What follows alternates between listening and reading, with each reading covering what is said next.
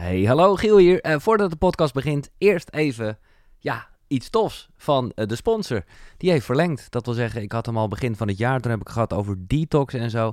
En toen zei ik al, ja, zelf doe ik dat niet echt. Ik heb het inmiddels een keertje gedaan overigens. Maar ik ben meer van gewoon lekker een sapje per dag. Want daar heb ik het over. Sapje. Sap.je. Wat is dat? Nou ja, je kan kijken op de site, sap.je. En dan zie je eh, een keur aan sapjes. Mijn hele vriezer staat er vol mee. 85% groente, 15% fruit. Dat is samen dus 100% helemaal biologisch. Ik zelf hou heel erg van de boost met een beetje citroen erin. Uh, ze hebben ook van die kleine shotjes. Hoe heet dat ene shotje wat jij lekker vindt ook alweer? Die, jawel, die rode. Uh, Antioxidant. Antioxidant, precies. Die heb je, of je gaat voor tarwegras of nou ja, check het maar. Uh, wij hebben inmiddels een abonnementje. Nou, ik kan me voorstellen, uh, dat is voor ons handig. Want dan is je vriezer altijd vol en een beetje korting. Maar ga het eerst een keer proberen. Maar ik zou zeggen, doe gelijk een grote bestelling. Want bij je eerste bestelling krijg je 40% korting. Dat is wel echt intens. Uh, met de code koekeroe, vergeet dat niet. Anders krijg je die korting niet bij het afrekenen. Sap.je. Nou, tot zover. We kunnen beginnen ik moet zeggen, ik ben blij, Lars. Tenminste, wat ik voel ik, ik, ik, met, met de kennis waarvan ik weet dat jij die hebt. Denk ik, oké, gelukkig zit de microfoon wel aan een snoertje. dat, is, uh, dat is een mooi om mee af te trappen, ja. Daar ben ik zelf ook heel erg blij mee. Ja. Het liefste had ik nog gehad dat, uh, dat er hier geen kunstlicht op mijn voorhoofd nee, zat te nee, schijnen. Nee, maar ja, dat we in het zonnetje zaten. Ja. dit, uh, dit stelt me al gerust, ja. Oké. Uh, we zijn op Healthy Fest en we zitten zeker in de zon, maar ook wel een beetje met kunstlicht, want we zitten in een caravan. En uh, Lars van den Nieuwofficier, hij is, uh, ja, ik, uh, wil je als biohacker neergezet worden? Mag van mij. Mag, mag van, mij. mij. Nee, ik vind het ook een leuke, mooie naam. Maar ik vind eigenlijk hoe het bij jou ontstaan is veel mooier, namelijk geneeskunde. En er dan achter komen dat je, nou ja, het is natuurlijk wel fijn vindt om mensen gezond te maken. Maar in die end er veel gelukkiger van wordt op het moment dat je mensen nog gezonder gaat maken. Dus dat die ziekte eigenlijk uh, in eerste instantie helemaal niet speelt. Ja, ja dat, uh, dat is natuurlijk de ontdekking die ik gedaan heb tijdens mijn studie eh, geneeskunde. Ja. Um, of ging gewoon de studie geneeskunde niet zo goed? En, uh, nee. nee, die ging best wel goed. en okay. ik, ik vond die ook super interessant. Uh, nooit echt moeite gehad met de stof. Die, heb je hem afgemaakt? Je bent nu 24, dan heb je hem toch niet af, denk ik? Ik heb de bachelor heb ik afgerond, ah, ja. Okay, en daarna ben ik gewoon niet verder gegaan. Dus nee. ik ben niet uh, het ziekenhuis ingegaan om kooschappen te lopen en echt te gaan specialiseren tot, tot een bepaald soort arts. Omdat je gewoon dacht, hé, hey, het kan ook meer aan de voorkant, of hoe zou je dat willen zeggen? Ja, nou, ik voelde dus tijdens die studie al steeds meer aan dat, dat ik mezelf niet de rest van mijn leven in dat ziekenhuis zag werken. Ehm, ja, in een poging om mensen die al ziek zijn proberen te genezen. Ja. Um, ja, het leek me veel interessanter om te zorgen dat mensen überhaupt niet ziek werden. En dat is later nog ontwikkeld tot ja, het stukje ziek, niet ziek worden. Dat is wat mij betreft maar een klein gedeelte. Daarna ja. komt nog een veel groter Optimaliseren gedeelte. en dan ja. even een beetje het biohacken. Ja, precies. Dus echt zorgen dat je, dat je elke dag met energie opstaat. Dat je lekker in je vel zit. Dat je energie hebt voor nou, de dingen die je belangrijk vindt in het leven. Ja. Um, ja, dat je echt de kracht en de energie hebt om, uh, ja, om te doen wat jij, wat jij belangrijk vindt in het leven. Ja. En dat zal dus niet één moment zijn geweest, maar toch, uh, wat, wat, wat waren een beetje de triggers voor jou? Uh... Ja, ik heb één anekdote die ik, die ik vaak vertel. En ik moet zeggen dat op het moment dat ik dat meemaakte, was ik me daar nog niet zo bewust van. Nee. Maar um, in de loop van het derde jaar van mijn geneeskundestudie, toen uh, kwam wat meer in aanraking met echte patiënten, moesten we meelopen met uh, Uh, mocht ook al zelf die, uh, die consulten doen. En er is één consult dat mij heel erg bijstaat. Liep ik mee met een arts ehm, die, ja, die zat in de cardiovasculair risicomanagement. Dus ja, het voorkomen dat mensen uh, hartaanvallen krijgen, herseninfarcten. En we kregen daar een vrouw van rond de 70 jaar op consult. En ja, die had wat klachten.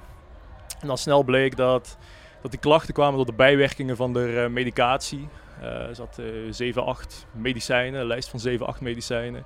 En nou, ik denk in een consult van 10, 15 minuten dat de conclusie was um, van nou we gaan er nog één, twee medicijnen extra bij doen om de, om de, De medicijnen voor de medicijnen. ja, de bijwerkingen van de vorige medicatie te Ah. compenseren. En ja, dat was dan de conclusie. En ja, op dat moment, ik dacht al wel van, ah, apart. Maar het was Ja. niet zo dat ik, dat ik pas begreep ehm, ja, hoe apart dat echt was. En nu, als ik daarop terugkijk, denk ik van ja, dit is gewoon de reden waarom ik, eh, waarom ik het roer heb omgegooid. En ik ben blij dat ik dat al na die bachelor heb gedaan. Dat ik nu ook mee ben gegaan in die, eh, in die master. Want ik denk dat ik dan wel ja, redelijk ongelukkig eh, was geworden. Ja, maar ik vind het wel interessant om er toch nog even op in te zoomen op dit specifieke voorbeeld. Want ik snap heel erg wat je zegt. En het is heel erg een beetje, nou ja, de verkrektheid van het systeem zou je kunnen zeggen. Maar al, ja, wat had je anders tegen die vrouw moeten zeggen? Nou, op dat moment zelf kan je daar niet meer zoveel aan doen. Nee. Ehm, dus vandaar dat ik zeg, ik vind het veel interessanter om preventief aan de slag te gaan. Nee, nee, dat begrijp ik. En daar gaan we het zeker over. Maar Ja. in dit geval, ja, eh, ja, zou ik bijna zeggen, is het kwaad al geschied. Ja, En dus dat, maar goed. eh, maar nee, kijk, in die zin, het is goed dat, er, dat je de reguliere geneeskunde hebt zoals die op dit moment is. En die mensen, ja, daar is het op die manier eigenlijk al een soort van te laat voor, tussen aanhalingstekens. Eh, je kan natuurlijk nog wel heel veel doen, want Tuurlijk, het ja, lichaam is super goed in staat om zichzelf te herstellen. Maar de vraag is, willen die mensen dat ook? Het- het is ook gewoon een tijd- en aandachtsprobleem. Er is, er is ehm, ja, op dit moment de manier waarop de gezondheidszorg is ingericht, is er gewoon niet genoeg tijd eh, om die preventieve kant van het verhaal te, te Nee. belichten. En, eh. Nee, maar goed, dat is misschien ook helemaal niet de taak. In ieder geval zeker niet van de ziekenhuizen. Daar kom je als het al te laat is. Maar Hmm. het zit veel meer aan de voorkant met onderwijs. En Ja. ja. fijn. Daar zijn we hier aan tafel het eh, eigenlijk altijd wel over eens. Eh, dus, nou ja, ben jij deze kant op gegaan? Ben je Jorn tegen het lijf gelopen? En zijn jullie samen Ikiguides eh, begonnen? ja. En ehm, ja. Nou ja, oké, laat ik nog even teruggaan naar het begin. Dan hebben we dat onderwerp gehad. Want dit vind ik wel het meest eh, moeilijke onderwerp van alle dingen die jij. eh, nou ja, eh, of die jullie eigenlijk ter tafel Mhm. brengen. Daarom begon ik over het snoertje. Ja, jij bent iemand die heel erg bezig is met, met hoe noem je dat, EMF? ja, EMF. Straling. Daar ben ik, eh, ja, dat is wel iets van de laatste tijd moet ik zeggen. Ik wist altijd al wel dat dat ja, een groot onderwerp was met betrekking Ja. tot gezondheid. Ehm, maar het is vrij abstract natuurlijk. Ja, Eh, dat is het is het. moeilijk te grijpen. Want Ja, Je kunt EMF niet zien, je kunt het niet eh, ruiken, je kunt het niet proeven. Eh, maar dat wil niet zeggen dat het niet aanwezig is en dat het geen invloed kan hebben op onze gezondheid. En het wordt ook een ja, steeds grotere factor om rekening mee te houden. Kijk maar naar de mate waarin we steeds verder digitaliseren. We krijgen nou de uitrol van eh, 5G. ja, Eh, we omringen ons steeds verder met technologie. ja.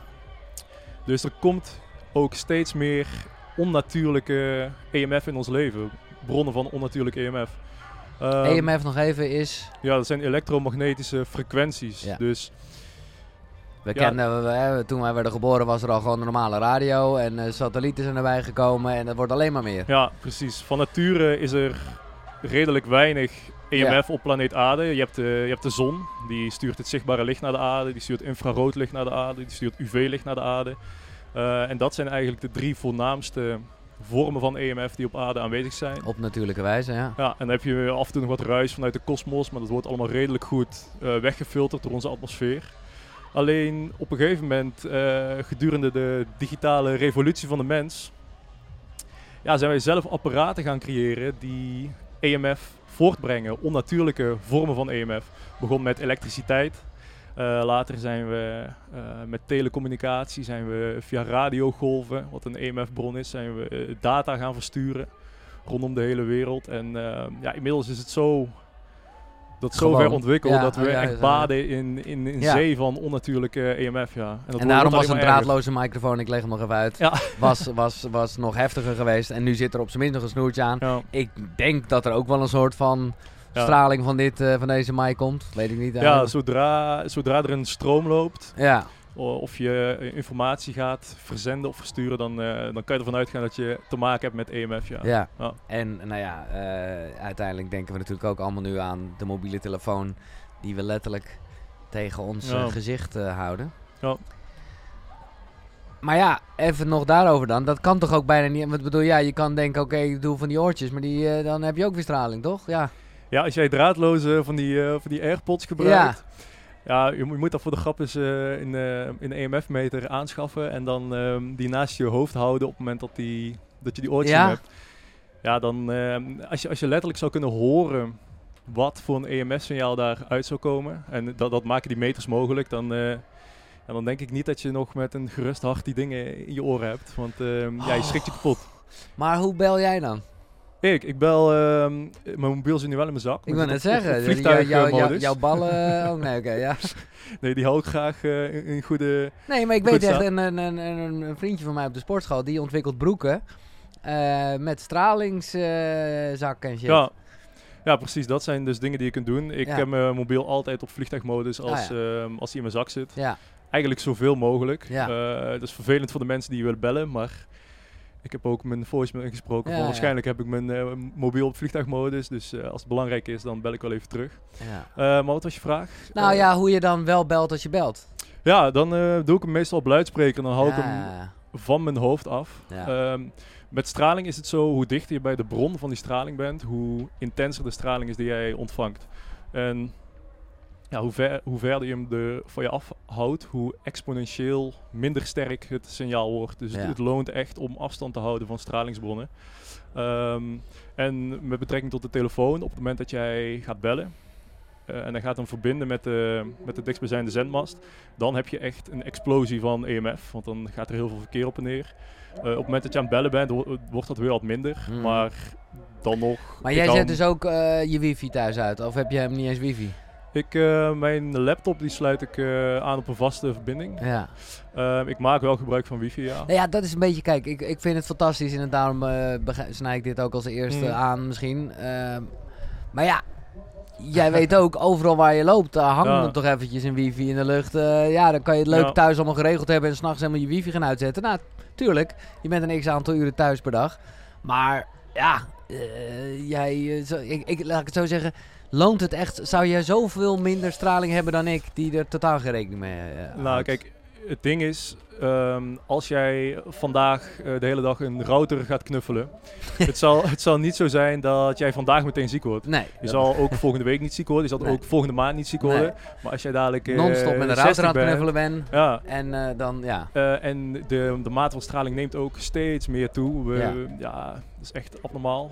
Dan, ik wil het risico niet nemen, laat ik het zo zeggen. En we weten inmiddels aan de hand van wetenschappelijke onderzoeken, ehm, als je eh, nachtdieren, ratten, muizen gaat bestralen, nou, die, die krijgen gewoon een significant hogere kans op kanker. Ja. Eh, en de inschattingen zijn dat mensen nog veel gevoeliger zijn voor straling dan eh, nachtdieren, zoals ratten en zoals muizen.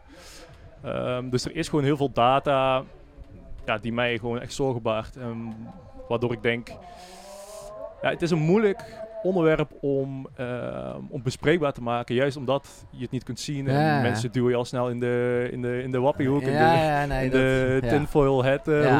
Maar ik, ehm, ja, ik, ik baar me wel dermate zorgen dat ik het wel echt enorm waard vind om dit, eh, dit onderwerp te bespreken. ja, nee, ik vind en het ook ook, mooi ook hoor. voor mijn eigen gezondheid. Hè? Ja. Want nogmaals, ik zal echt morgen of overmorgen niet ziek worden. Maar ik wil wel graag eh, 60 en 70 worden. En dan net zoals die mensen die er voorbij komen op de, Op de, op de tandem. op de tandem nog lekker, eh, nog lekker actief zijn. Ja. ja, Dus, en dan is Nee. de kleine moeite om s'nachts even je router uit te zetten. ja om, nee, ja. Dat, het gaat in ieder geval zeker niet. Maar ik heb, en dat is niet omdat ik als struisvogel mijn kop hiervoor in het zand wil steken hoor. Al eh, kom ik mijn leven lang al net even op iets te veel plekken met iets te veel apparatuur. Dus eh, Mm. misschien zit dat er wel achter. Ja. Maar ik ben ook geneigd om te denken, nou een beetje waar we over begonnen met, met eh, die vrouw, eh, dat er nog wel degelijk elasticiteit in zit.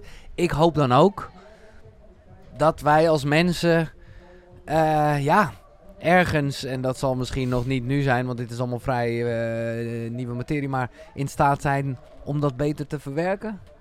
Ehm, bedoel je in de zin van een soort van Elon Musk die met een eh, magische oplossing komt? Of, eh, Nou, nee, dat bedoel ik niet. Dat zou ook nog wel fijn zijn.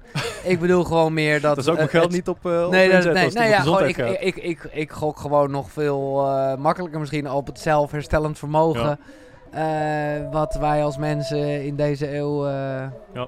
hopelijk hebben. Eh, nee, dat begrijp ik. Maar ik denk juist omdat deze blootstelling alleen maar erger wordt. En die, als je niet zorgt dat je slaapkamer EMF-vrij is, eh, s s'nachts bijvoorbeeld, dan, dan, dan heb je al geen moment om te herstellen. Omdat Nee. je overal en altijd wordt je blootgesteld. Ja. Dus het is juist heel belangrijk om zo'n herstelmoment in te die bouwen. momenten, ja. En daarom, ehm, kijk, je hoeft niet meteen alle EMF en alle routers en alle digitale eh, tools uit je leven te bannen. Eh, maar als je ergens wil beginnen, zeg ik van, zorg gewoon dat je slaapkamer eh, zo, zo EMF-vrij mogelijk is. Dus zet s'nachts je router uit. Haal geen, weet ik veel, wekkerradio's of elektrische apparaten in je slaapkamer. Zorg dat die nachtrust echt eh, heilig is. Helemaal clean. Jezus. dan, dan wil je lichaam herstellen. En dan, ja, dan, wil, je, eh, ja, dan wil je van de schade herstellen God, die ik je zit even te overdag denken oploopt. welk apparaat ik allemaal moet lozen. Ja, ik word eh vergek van, joh. Wat staat er allemaal in jouw slaapkamer dan? Nou, bijvoorbeeld zit ik nu te denken, zo'n zo'n luchtcirculatie dingetje. Ja, dat is toch elektriciteit? Ja, dat klopt. Kijk, als je dat soort... je bedoelt een ventilator of niet? Of nou, die, die, die- mijn vriendin, ja, ook een ventilator trouwens, die was ik vergeten. hm, Eh, maar dat vindt zij gewoon lekker ook vanwege een soort general noise. ja. Eh, maar ook, eh, dat bedoelde ik eigenlijk zelf, zo'n lucht, de- dat het wat vochtiger wordt. Ah ja. Ja, kijk, als je echt een apparaat hebt wat puur elektrisch werkt, maar niet Ja. zendt en ontvangt, Nee, dat zit geen dan, ehm, eh. als je die echt ver van je bed afzet, dus moet je echt denken aan een Ja, paar hoe, meter. hoe groot dan, denk je dat mijn slaapkamer is, man? ja, dat weet ik niet. Nee, ik nou, niet ik groot. denk dat je wel een riante slaapkamer Nee, ja, dat is helaas. Ehm, dan, ja, dan geldt weer die, weer die regel van hoe verder je van de bron verwijderd bent, Ja. hoe minder intens het Hij signaal staat in ieder geval aan de kant van mijn vriendin, dus dat is goed nieuws. maar- Laat het maar niet horen. Nee. Ehm, maar als je echt een apparaat hebt wat zendt en ontvangt, net zoals Ja. een radio of, Ja. eh, Ja, of ja. een router, Ja, ah, dat wil je echt niet hebben. Dat nee. wil je echt niet hebben. Ja, ja, ja. Ja, ik maak het eh, leven er vaak niet makkelijker op Nee, met maar, ja, boodschappen. Nou ja, oké. Nee, maar dan nou, nou, nou zeg je iets waar ik eigenlijk naartoe wilde, hoe flauw het ook is. Eh, want ik weet inderdaad dat jij ook echt en eh, andere mensen zo'n zo'n apparaat hebben, wat, wat dat, de straling meet, zeg maar. Ja, soms denk ik ook wel eens dat de stress Hm? die je hebt over of er wel straling is, dat dat schadelijker is Ja. dan gewoon een geloof in eh, dat het allemaal wel goed komt. Ja, nee, daar heb je inderdaad een punt. Maar ik denk dat daar ook juist een hele mooie tussenweg in te bewandelen is. Ehm, aan de ene kant, je mag natuurlijk gewoon vertrouwen op het zelfherstellend vermogen van je lichaam. Dat, dat moet je ook zeker doen. Ja, Eh, maar aan de andere kant zou ik je lichaam daar dan ook weer bij helpen om Ja, dat zelfherstellend vermogen eens, zo eens, mooi eens. mogelijk tot eh, uiting te laten brengen. ja. Eh, en dat wordt moeilijk als je, als je 24-7 blootstelt aan eh EMF en dan ook nog alle andere dingen die daar bovenop komen Ja. van ons eh, moderne Nee hoor, het inspireert me ook enorm. En ik, maar ik, ik, ik moest dat toch even gezegd hebben. Hm. Omdat dat natuurlijk wel... Nou ja, ik ben al blij dat jij daar zeker wel over nadenkt. Het, het, je, kan, je kan jezelf zo gek maken... Dat, het, eh, dat je zo gezond bezig bent dat je... eh, nou ja, dat het alleen maar ongezonder is. Ja. Maar goed, er is, zit een middenweg in eens. En nog even din, eh, want een vriend van mij die heeft allemaal van die aarde dingen. Hm? Is dat iets waarvan je denkt, eh, dat werkt wel? Je bedoelt een uh, adingsmat of Ja. een ademstoel. En dat hoeft dan, eh, dat is, vind ik een beetje, ja, ik snap het wel een beetje. Eigenlijk hoeft hij dus ook niet aan de elektriciteit. Dat kan wel, maar je gebruikt vooral de aarde. Hè? Dus als we hier Ja. naar stopcontact kijken, zien we ook daar die, dat, dat, dat, dat aarde dingetje. Ja, exact. Eigenlijk gebruik je dat alleen. Ja, en het is natuurlijk... eh, maar werkt is- dat echt? Ja, absoluut. Ehm, ja, kan ik even toelichten, want onze moeder aarde, die heeft een overschot aan, aan negatief geladen deeltjes, aan eh, elektronen. Ehm dus eigenlijk een ongelooflijk grote negatief geladen bol, onze aarde. En op het moment dat jij in contact komt met die aarde, in direct contact, ehm ervan uitgaande dat jij minder negatief geladen bent dan, dan de aarde, gaat er een, letterlijk een, een, een stroom lopen van negatief geladen deeltjes van de moeder aarde naar jou toe. Op die, op die manier kan jij ja, jouw lading neutraliseren Mhm. eh, als jij in direct contact staat met de aarde. Ehm nou, dat werkt sowieso ontstekingsverminderend. Ehm, maar dan bedoel je gewoon even hier op het gras staan? ja, je? ja, letterlijk op, op, de, op het gras, Ja. eh, op het natte strand. Ja, Eh, zelfs na- natte tegels, nat beton kan jij in een bepaalde ma- mate aarden. Maar het voordeel daarvan is dat het ook de, de impact van bijvoorbeeld EMF neutraliseert. Eh, dus wat je kan doen is een adingsdevice, een adingsmatje, een, uh, een adingslaken Ja. in huis nemen. Eh, dit zijn vaak geleidende matjes of geleidende lakens die je kan verbinden met de ading van je stopcontact. Of je kan ze eh, letterlijk buiten ademen met een eh, koperen pin. Eh, dan kan je op die matjes gaan liggen en dan ben, je, ben jij geaard in jouw huis. Zonder dat jij met je blote voeten. Oké, dus als ik dat in mijn bed doe, dan kan ik alle apparaten aanlaten. Dat zou ik ook niet doen. Nee, nee. Ehm, nee dat, dat ligt wat genuanceerder. Want op het moment dat je op zo'n mat ligt, dan trek je ook weer. eh, als jij echt op zo'n ademingsmat ligt en je Ja. baat ook nog eens in de EMF, dan word je ook weer een aanzuigpunt van die EMF. En die komt Ah, ja, allemaal door jou ja, heen, dus wordt dan geaard via het matje. Dus het ligt iets genuanceerder. Daarom zou ik, als je binnen gaat ademen. Heb je dat? Heb jij het zelf? Ja, ja, ja. Ja, Oké. Ik stel me nu voor dat jij in een hele grote slaapkamer woont. Met, of nee, dat hoeft niet, want jij hebt eigenlijk geen apparaten erin. Nee. Eh, eh, nee, ik heb er inderdaad geen eh, apparaat in. Maar nee, ik, En- ik, ik ben net student af, dus ik woon nog niet... nee. Maar, maar, maar waar, waar en wanneer gebruik jij zo'n mat dan? Ik gebruik die voornamelijk om op te slapen. Dus ik heb een soort van hoes die op mijn bed ligt. Ja. Dus als ik slaap ben ik geaard. En ik heb ook een mat waar ik op kan staan of zitten als ik aan het werken ben. Sta ik niet altijd op als ik aan het we- werken Nee. ben, maar eh, wel geregeld ja. ja. Maar ja, als het mooi weer is, dan probeer ik ook gewoon buiten te werken. Ik Ja. heb die eh, luxe dat ik dat kan doen omdat ik eh, thuis werk. Ja. Eh, ja, dan zit ik gewoon met mijn voetje in het gras Ja. en met mijn hoofdje in het zon. Dus ja, Dat dat, is dat, is een- eigenlijk het ideale wat Ja. je hebben, ja. Oké. Komt er even een bak elektriciteit voorbij, maar ik weet niet of je dat kan horen. Ehm, nog iets wat je over dit onderwerp wil zetten, zeggen? Nou ja, ook, ja, ik sowieso wel benadering zien. Vertel het eens. Oh nee, oké. nee. En nou, dat eh, ook even de positieve kant. Jij noemde al gewoon de zon, Hm. hè, die dus ook straling geeft eh, met, met, met dingen die we niet zien. Dat is dus. En natuurlijk moet je ook wel weer uitkijken dat het allemaal niet te heftig wordt en eh, te kankerverwekkend is. Maar ja, in de basis geeft ons dat wel heel veel, toch? Gewoon zonnelicht. Ja, absoluut. Ik denk dat dat eh, het nummer één vergeten medicijn is. En Oké dan. Het is gratis, het is eh, voor iedereen aanwezig. Dus, dus dat is weer de positieve straling, de zon. ja, 100%. Ja. Nee, dat, dat vertelde ik zojuist ook. Er zijn de, de natuurlijke straling die, die van nature aanwezig is op planeet Aarde, komt voornamelijk eh, van de zon. Dus dat Ja. is het zichtbare licht. Het licht waardoor wij kunnen zien, Ja. waardoor wij kunnen waarnemen. Maar je hebt ook eh, UV-straling. Dat is dan de straling waar we ook weer enig- eh, enigszins mee moeten oppassen, omdat je kan verbranden, huidveroudering en zo. Mhm. En je hebt de infraroodstraling. Dat kennen mensen van de infraroodsauna, warmte. Die drie soorten straling die komen van de zon Ja. op planeet Aarde. En ehm, ja, dat was er al vanaf het ontstaan van het allereerste leven op aarde 3,5 miljard jaar geleden. En dat leven heeft die vormen van straling, die vormen van licht in de levensblauwdruk eh, omarmd. En tot op vandaag de dag zit blootstelling aan die bronnen van licht nog steeds in onze blauwdruk verweven. Ook Ja. in die van de mens. Dus we hebben blootstelling aan die drie vormen van licht in bepaalde mate hebben wij eh, echt ja, keihard nodig. Essentieel, ja. Ja, ja, ja. En Nee, ik zou... Ja? wa- wat je ziet is dat we in de laatste, nou, wat zal het zijn, eh 100, 150, 200 jaar, zijn we van 24-7 buitenleven naar 24-7 binnenleven gegaan. Dat komt onder andere door technologie, onze banen, eh, noem het maar op. Eh, maar ja, wij zijn, wij zijn al niet meer anders gewend. Maar als je gaat kijken naar hoe het leven altijd heeft geleefd, Ja. Dan is is dat dat- gewoon zo'n radicale, radicale shift. Maar kunnen we dat niet een beetje ook weer biohacken? Had ik hier eigenlijk eh infraroodlampjes moeten hangen? Dat was een hele goeie geweest. Ja. Ja, absoluut.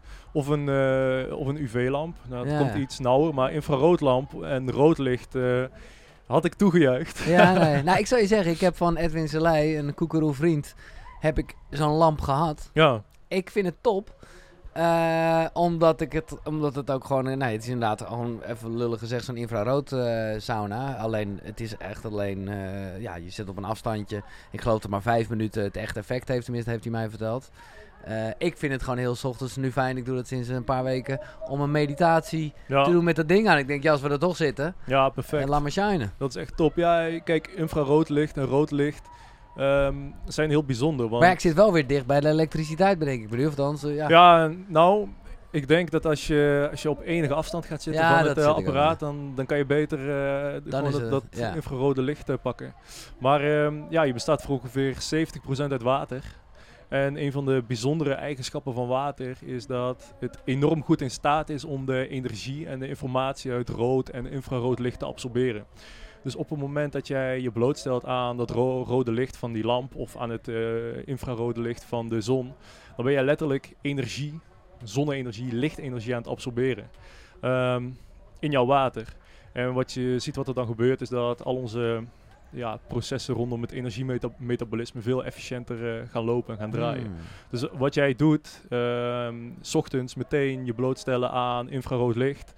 Het zou helemaal mooi zijn als dat eh, het licht van de zon was. Ja, begrijp ik. Eh, maar een, een tweede goede is dan zo'n lamp. ja. Ehm, ja, dan kickstart je eigenlijk je Ja. dag, je, ja, alle, alle processen die door jouw energiemetabolisme gedreven worden. Ik ja. hoop niet dat Edwin het erg vindt dat ik dit deel, maar hij is ook redelijk schaamteloos. Hij Ah, ik vertelde weet dus... waar je naartoe wil. Eh, ja? Ja, nee, vertel maar. Oké, oké. graag zeg. Maar. Hij vertelde dus dat hij dit wekenlang gewoon op zijn zak Ah. heeft gedaan. Dat dacht ik al. Om op die manier eh, zijn testosteron een beetje Ja. te pimpen. Ja, kijk, wat ik zeg. ehm, infrarood penetreert eh, echt ti- tientallen centimeters door je, door je huid. Dus op het moment dat jij in de zon staat of in zo'n infraroodlamp, ehm, ja, heel jouw lichaam echt tot, tot, tot orgaandiep eh absorbeer je die energie, waardoor ja, onder andere eh, ook je, je, je testikels Ja. ehm, ja, gewoon een energieboost krijgen, letterlijk. En Dus waar je hem shine, daar doet het wat. En geldt Ja. dat bij vrouwen ook? Of hoe, ja, eh? absoluut, ja. absoluut. Ja, ja. ja, Nou, dus nou, kan jij ook je... ja, ik ben blij dat eh, het nu sessie wel door jou hier beaamd is. Ik vond het gewoon een beetje een gek verhaal van Edwin. Ik dacht, nou ja, lachen. Eh, en ik doe gewoon eigenlijk meer er, eh, totaalplaatje, moet ik eerlijk zeggen. Maar goed, het is, eh, voor de focus is het goed. Oké, dat even wat betreft energie. Maar wel machtig mooi om eh, nou ja, bewust te zijn van iets. En dat zei je al gelijk in het begin. Waar je gewoon niet bewust van bent, juist omdat je het niet ziet. Eh, en het brengt me ook eigenlijk automatisch en natuurlijk bij het circadiaans ritme. Ja, Want als jij zegt, je kan beter het zonlicht pakken, dan is dat ook eh, wat effect heeft, toch? Ik, ik ken dit heel erg van, ik heb ooit een keer een record verbroken. Eh, super slecht voor je lijf en je leven. eh, zo, zo lang mogelijk niet slapen en radio maken in mijn Oh. geval. Eh, dus mijn grootste nachtmerrie Ja? ja? mogelijk niet slapen. ja, nee, ja. Ik, ik, inmiddels weet ik het, hoe slecht het voor me is. Toen vond ik het vooral lachen Hmm. en nou oké. Maar toen heb ik wel de, het effect van licht dus gemerkt. Want Ja. dat heb ik volledig eigenlijk kunnen doen. Ook wel een beetje door weinig voeding of door essentiële voeding. Maar ook door brilletjes op te zetten en in een bak met lichten te staan. Om eigenlijk gewoon mijn mind te fucken. Blue light, blue light blockers ook. Ja. Eh, ja, ja. ja, kijk. ehm, nogmaals, we zijn sinds het allereerste leven op aarde, 3,5 miljard jaar geleden, zijn wij geprogrammeerd geraakt om in die natuurlijke cyclus van dag en nacht te leven. Daar, Ja. daar zijn wij compleet op geprogrammeerd. Dus als je 's ochtends wakker wordt, het eerste wat jouw brein verwacht is het licht van de opkomende zon. Ehm, gedurende de dag heeft jouw brein, jouw biologische klok ook meerdere keren dat synchronisatiemoment nodig met het licht van de zon. Mag ook behoorlijk zijn, maakt Ja. niet uit. Ehm, om, ja, om te kunnen beseffen waar jij je bevindt in de tijd. maar Ehm, dat is, eh, sorry dat ik je onderbreek. Want dat is precies de reden waarom ik zo'n wake-up light heb. Maar in mijn gedachten heb ik die net eh, uit de slaapkamer gehaald. ja. Om eh, de elektriciteit te Ja, je- het is het spel een beetje natuurlijk. Ja, ja, kijk, je kan eh, zo'n wake-up light, dat is natuurlijk allemaal leuk en aardig, maar dat, is, dat signaal is nooit zo puur, nooit zo perfect Nee. als de zon. Nee, ja. Ehm, en kijk, als het wekkertje gaat, wat je het beste kan doen is gewoon lekker meteen naar buiten gaan. Je Ja. hoeft, hoeft geen, je hoeft geen uur in de zon te gaan zitten of buiten te gaan zitten. Maar gewoon even 5, 10, 15 minuten eh, dat licht op je in laten werken, in de richting van de zon kijken, dat zonlicht op je, in je ogen laten komen, op je huid laten schijnen. Ehm, dat is al genoeg om ja, letterlijk die kickstart eh, aan jouw brein, aan jouw hormoonhuishouding te geven. Van eh, de dag is begonnen, ja. we gaan ervoor. ja. Dus ja, Want nog even, ja, wat is, wat is, nou ja, eerst misschien even, wat is het circadiaans ritme? Wat is dat eigenlijk? ja, circadiaans ritme, circa staat voor ongeveer. Ja, Diaans, eh, dat verwijst naar dia, het ritme van ongeveer een dag. Ehm, ja, en dat is eigenlijk ehm, onze dag-nacht programmering. Dus heel, ons, heel onze fysiologie, dus alle processen die plaatsvinden in ons lichaam, worden aangestuurd door onze biologische klok, centrale klok in ons brein. En die biologische klok die is gekoppeld aan het dag-nachtritme. Die gebruikt de informatie van het zonlicht, van zonsopkomst tot zonsondergang, om ja, te bepalen waar wij ons in de uh, in, in plaats en tijd bevinden. Wij gebruiken daar een horloge voor, maar ons brein, onze biologische klok, gebruikt de stand van de zon en de samenstelling van het lichtsignaal wat die zon naar uh, planeet Aarde stuurt. Dat lichtsignaal dat varieert van, uh, van begin, begin van de dag tot aan het einde van de dag. Um, en die verschuiving in dat spectrum kan onze biologische klok exact vertalen naar de daadwerkelijke tijd. En wat er moet gebeuren met stofjes die aangemaakt precies. worden. En, en uh, um, op basis van het signaal uh, ja, stuurt die biologische klok ja, letterlijk elk, elk proces in jouw lichaam uh, aan. Dus als jouw brein, die biologische klok, um, ja, dat, die, die synchronisatie mist, dan voor je het weet, dan, uh, dan gaat er gewoon iets mis ja. in jouw lichaam. Uh, dan stapelt zich fout op fout, omdat de processen niet goed getimed kunnen worden. Die moeten echt tot op de nanoseconde, nanoseconde uh, nauwkeurig getimed worden. En als dat niet lukt, ja, dan krijg je, dan is het een kwestie van tijd dat er een fout ergens plaatsvindt.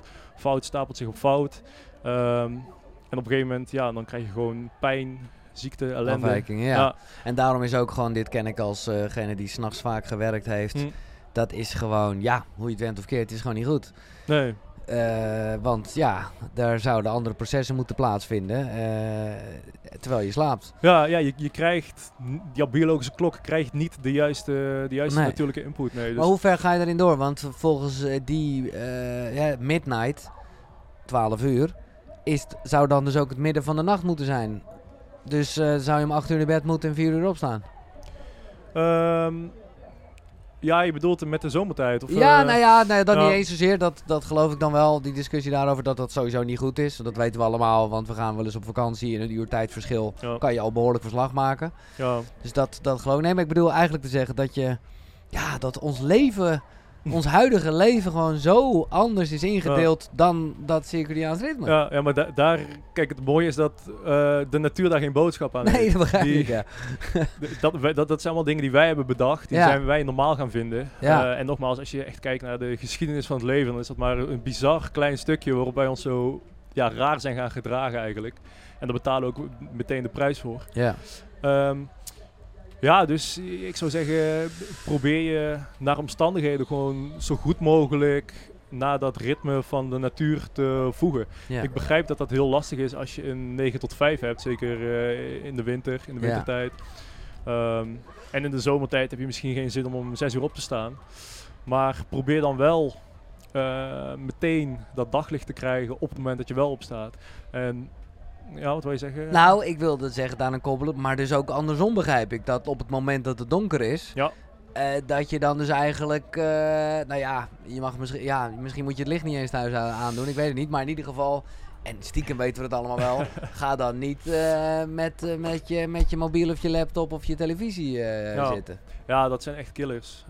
niet alleen het feit dat je licht hebt op, op het moment dat jouw brein duisternis verwacht, maar ook nog eens, ja, die telefoon die pak je nou net het licht wat daar van afkomt, dat is zo onnatuurlijk. Dat begrijpt onze biologische klok helemaal niks van. Dat is, uh, ja, dat is super dominant in blauw licht. Ja. Blauw licht, dat associëren wij met uh, 1 uur, 2 uur, 3 uur s middags.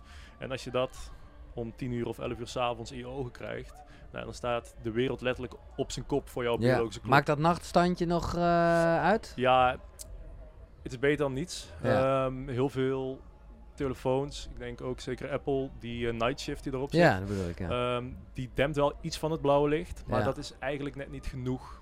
Maar ik heb ook wel weer, maar goed, dat is het eh, moeilijke van dit soort eh, dingen. Hè, dat er weer heel veel andere, nee, of heel veel, ik heb ook wel eens gehoord, maar misschien was het een onderzoek gefinancierd door, eh, weet ik Mm. veel wat van fabrikanten. Die zeiden, ah, dan met dat blauwe licht, dat valt wel mee. Het is wel sowieso dat licht, hè, dus dat, dat is gewoon een feit. Als Ja. je zou, maar, nou ja, dat zal je ongetwijfeld ook wel eens gehoord hebben. Ja, nee, ja, precies. Kijk, dat zou ik ook zeggen als ik een verkoper van telefoons was of Ja. een verkoper van eh, kunstlicht. Ja. Nee, ja, natuurlijk gaan die eh, Nee. ja, dat beweren of... Maar jij zegt, en ik, ik, ik, ik ben wel geneigd omdat jij er zo erg in zit en gewoon jong en fris van geest bent en dingen begrijpt die ik in ieder geval niet begrijp. Jij zegt echt nee, dat blauwe licht, dat telefoonlicht is echt wel een tikkie slechter dan eh, het normale lichtje van, mijn- van mijn Yui-lamp. Eh, ja, dat hangt ook van... In principe is elk kunstlicht Ja, eh, wat wij om ons heen hebben... is dermate blauw dominant. Dat je daar echt eh, mee op wil passen. Het zijn met name de LED's. Hè. Bijna alles wat we om ons heen hebben zijn eh, LED's tegenwoordig. En die LED's hebben zo'n dikke piek in blauw licht eh, ten opzichte van het rode licht. Rood en blauw moeten eigenlijk altijd gebalanceerd zijn, want zo is het ook in de zon. Dus op het moment dat het blauwe licht dominant wordt ten opzichte van het rode licht, dan heb je gewoon een probleem. Ook midden op de dag. In de avond is het nog erger, want dan kan je niet meer compenseren met het licht van de zon. nee. Maar eigenlijk wil je dat blootstelling aan dat licht zoveel mogelijk en zo vaak mogelijk eh, voorkomen. Dus wat, eh, wat tref ik aan als ik bij jou om 8 uur s avonds binnenkom en jij op je spijkermatje nog een beetje staat te werken? nee, niet op Nou, je spijkermatje, sorry, op je, op je geaarde matje. ja, eh, nou, ik heb een, een app op mijn laptop geïnstalleerd. Ja, Ik, s s'avonds, soms werk ik nog, Ja. soms lees ik nog. Lees vaak op mijn laptop. Dan, ehm, dan ben ik wel op die laptop bezig, maar dat scherm is dan volledig rood. Ik heb een app waarmee ik eh, echt Hmm. nagenoeg al het blauwe licht uit mijn eh, scherm Heeft kan dat filteren. zoveel effect? Want je zegt net zelf, het is, eh, het is allemaal slecht. Ja, ja, ja. En ik heb trouwens ook nog een blauw licht eh blokker oh, je hebt zo'n bril, dan. dat Dus dacht ik heb een dubbele, al. dubbele ik denk al, bescherming. ik ja. denk, hier zit een Nee. gast met zijn bril, ja. Eh, ja, nee, ja, kijk. Ehm, het grappige en is... kaars aan, of wat? eh? nee, nee. nee, nee, nee. Ja, is misschien een beetje terug, maar ik zit in een donker kamertje. Ja, echt? nou, het is nou nog lang licht. Ik heb dus, altijd eh, geleerd dat het slecht voor je ogen is als je maar één lichtbron hebt. Ja, maar het, het is, ehm, het licht is helemaal, totaal niet intens als je al het blauwe licht eh, weghaalt. Sterker nog, als ik nu Ja, ja, oké. wel naar een scherm kijk waar geen blauwe lichtfilter op zit, dan komt die intensiteit pas echt binnen. Dan denk ik van jeetje. Omdat je dat ehm, niet meer gewend bent. Ja, precies. Hmm. Dus ja, je moet dat eigenlijk eh, gewoon eens ervaren. Ja.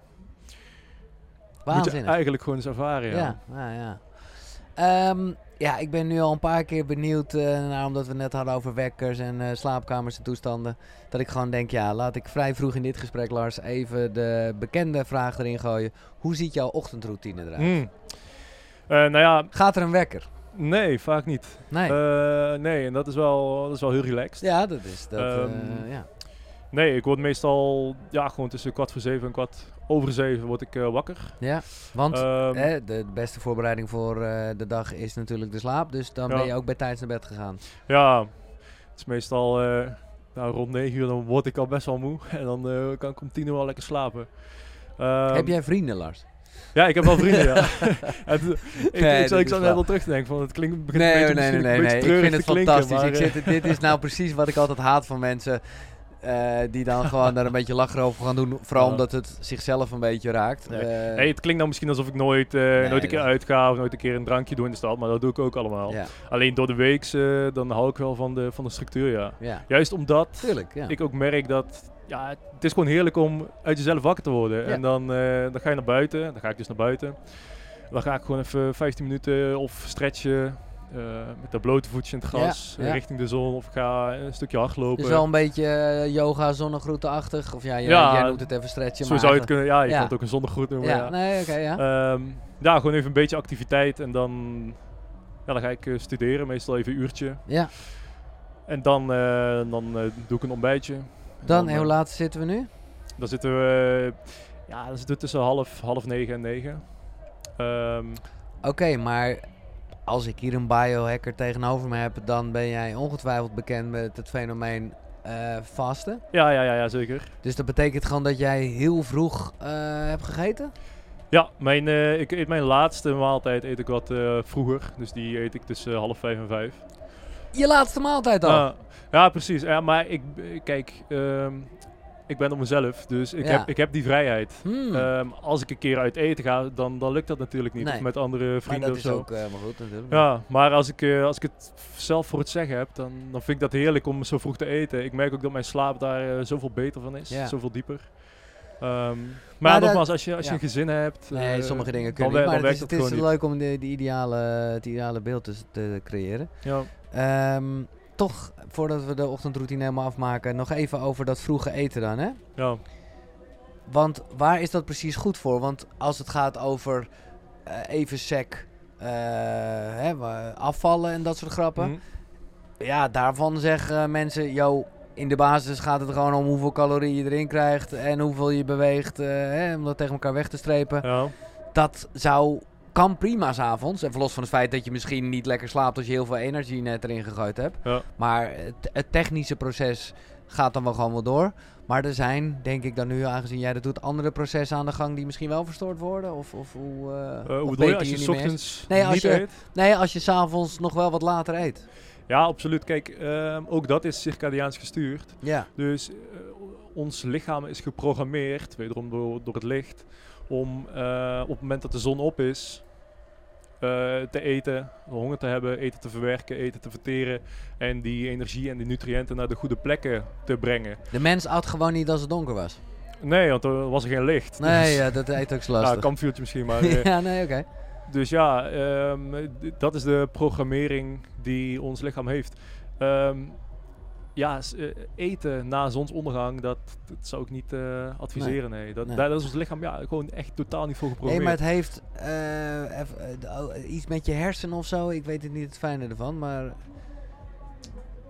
Ehm, nou ja, je, je- ten eerste, je vertering werkt niet goed.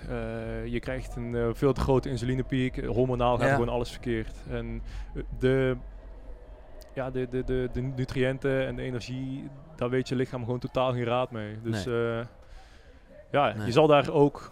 Kijk, als jij ehm, een maaltijd eet van 500 calorieën op, het- op het verkeerde moment... Dan is de kans dat je daar overgewicht van krijgt is veel groter dan als jij die maaltijd eh, van exact dezelfde hoeveelheid calorieën overdag eet of Ja. op, op het goede moment eet. Ja. Dus daarom zeggen calorieën ook Nee, het Eigenlijk reet. Nee, nee, nee. niks. ik. Ja, bij heel weinig, laat ik Ja. het zo zeggen. Ja, ja, ja. Als je dan het doel hebt om af te vallen. Ja. Eh, ja, de boeken, Lars. Ben je een lezer eigenlijk? Ja, ik ben wel een lezer. Ehm, maar ja, wat ik net zeg. ehm, het is lang geleden dat ik echt een boek heb uitgelezen. Ik ben de laatste tijd heel erg studerend aan het lezen. Dus Ja, ja, dus onderzoekjes. eh, ja, dat ik echt op zoek ben naar... Oh, daar gaat een eh, lamp. Dat Ja. ik op zoek ben naar ehm, specifieke informatie. Eh, en dan, eh, ja, dan lees je ook veel onderzoeken, lees je veel reviews, eh, ook wel eens boeken. Ja. Eh, maar dat zijn, ja, dat zijn geen boeken die eh, voor je plezier lezen. Nee. Maar, eh, ik Maar- vind dat natuurlijk interessant. Ja, dat snap ik. Maar- Maar welke drie boeken als je... eh, ja, Ja, dan, dan wil ik toch wat verder terug naar mijn, het begin van mijn lees, leescarrière. Ehm, ja, de eerste die wel echt meteen boven komt springen is Thinking Fast and Slow van Daniel Kahneman. Ja. In het Nederlands heet die Onspelbaar Denken. ja.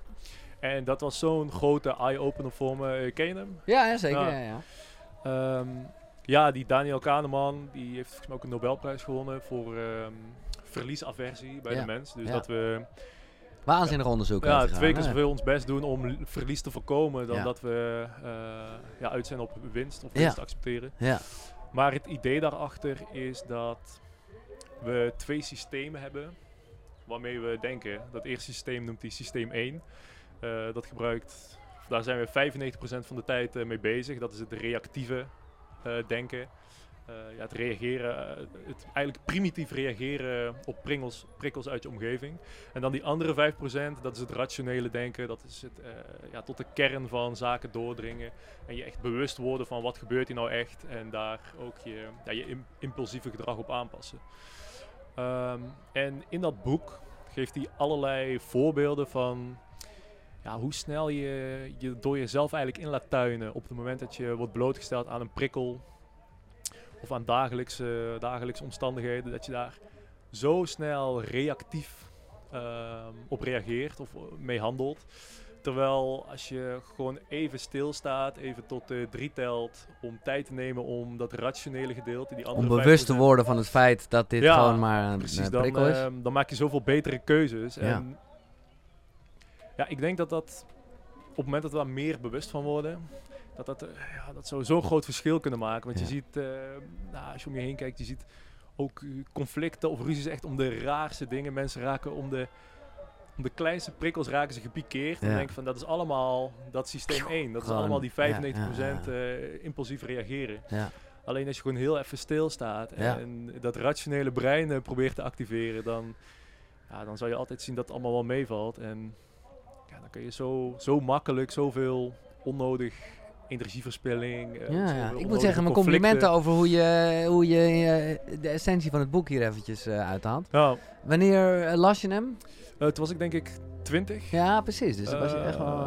Het is een best wel pittig boek, want hij gaat redelijk gedetailleerd, gaat hij op al die, ah, die man die heeft zoveel onderzoek gedaan, Ja. dat is echt bizar. Gaat hij redelijk gedetailleerd op al die onderzoeken in en al die voorbeelden die hij daar naar voren haalt. ja. Maar ja, de kern is dus ja, dat we onszelf constant voor de gek laten houden Mhm. door ons eigen ja, primitieve brein. Als het Maar ware. het is dus eigenlijk, en daar was je toen helemaal niet mee bezig, maar heeft eh, hè, het feit dat jij nu dit pad bent eh, ingegaan. Ja, 20 was je niet eens begonnen met geneeskunde, of net wel? Ja, jawel. Oh, Eh, jawel, ja, oké. Dat zat ik denk ik in het tweede jaar. Ja. Oh, oké, wel. Dan is het midden daarin. Ja, eh, onfeilbaar denken. Dat is het eerste boek. Oké, Ja. het tweede boek. Eh, het tweede boek, dan ga ik voor Seven Habits of Highly Effective People. Dat is ook een, dat is denk ik, ah, of het zal het tweede eh persoonlijke Zelfontwikkeling, ontwikkelingsboek, ja, eh, ja. geweest zijn Steven, ik- Covey, ja. Ja, en het is eigenlijk pas achteraf dat ik steeds beter ben gaan beseffen van hoe fundamenteel dat boek is met betrekking tot persoonlijke ontwikkeling. We zijn nu een eh, campertour aan het doen met Ikigaits. Ja, En daarbij gaan we langs mensen die, nou ja, die wat te vertellen hebben over persoonlijke ontwikkeling, over, over optimale gezondheid. Ehm, en het, de slogan die we daarvoor gebruiken is wat je ook op school had willen leren. ja. ja. Dus we gaan eigenlijk achter allerlei lessen aan die, waarvan wij denken of waarvan andere mensen denken van oh had ik dat op school maar geleerd. En die Seven Habits of Highly Effective People, ik zou willen dat ik dat eh, op school had geleerd. ja, Want dat is zo'n kompas voor je leven als het ware. absoluut. Ehm, ja, die, die Seven Habits, die kan je eigenlijk opdelen in twee delen.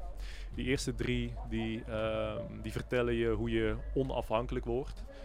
Ehm, dus hoe je gewoon, ja, om het even zo te zeggen, je shit eh, together krijgt. Zorg dat je je niet druk maakt over de dingen waar je geen invloed op hebt. Zorg dat je nou ja, een plan hebt, een doel hebt waar je naartoe wilt.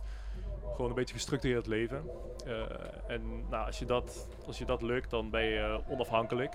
Maar dat is niet het, het eindpunt. Want onafhankelijk zijn, ja, daar heb je als het ware nog niks aan. Dan moet je nog de waarde gaan toevoegen. In verbinding met de anderen. Ja, precies. Ehm, en daar gaan die het vierde tot en met zesde punt over. En daarin beschrijft hij ja, hoe je inderdaad in verbinding met anderen een situatie kan creëren waarin 1 plus 1 geen 2 is, maar 3 of 6 of 8 of 10. Dus hoe je je eigen kwaliteiten eh, kan bundelen met andermans kwaliteiten. Iedereen heeft andere kwaliteiten, andere eigenschappen, andere talenten. Om, ehm, ja, om gewoon de, de dingen te bereiken die jij belangrijk vindt in het leven. En dat hoeft niet altijd, eh, weet ik veel, een eh, miljoenenbedrijf te zijn. Maar dat kan ook gewoon een, een eh, fijn, gelukkig gezin zijn. Met kinderen die het later goed doen en die een goed nest hebben gehad. Of, weet ik veel, in jouw omgeving iets voor de buurt doen. Ja. Ehm, ja, en dat is ook zo, die principes zijn zo universeel geldend en zo breed toepasbaar. Dat, eh, ja, ik zou het mooi vinden als Ja. mijn kinderen later eh, dat op school eh, geleerd krijgen, ja. Maar even dan ehm, met Iggy Guides als jullie bedrijf punt 2 van achteren naar voor werken. Eh, hè, dat is, wat, wat, wat, is, wat is het einddoel van Iggy Guides dan? Nou ja, Ikigaits ehm ja, heeft dus eigenlijk de hele brede insteek van wij proberen een platform te creëren. Ja, waarop we letterlijk alle content, alle wijsheden, alle skills, alle informatie verzamelen.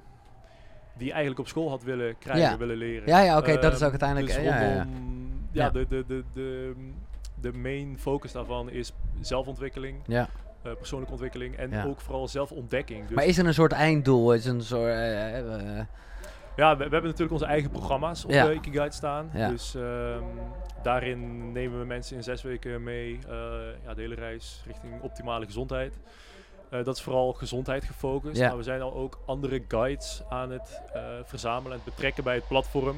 ik zag ook wat dames die wat workouts deden en zo. Ja, exact. Die, ehm, ja, die weer een eigen expertise hebben op het gebied van optimale gezondheid of persoonlijke ontwikkeling. Ja.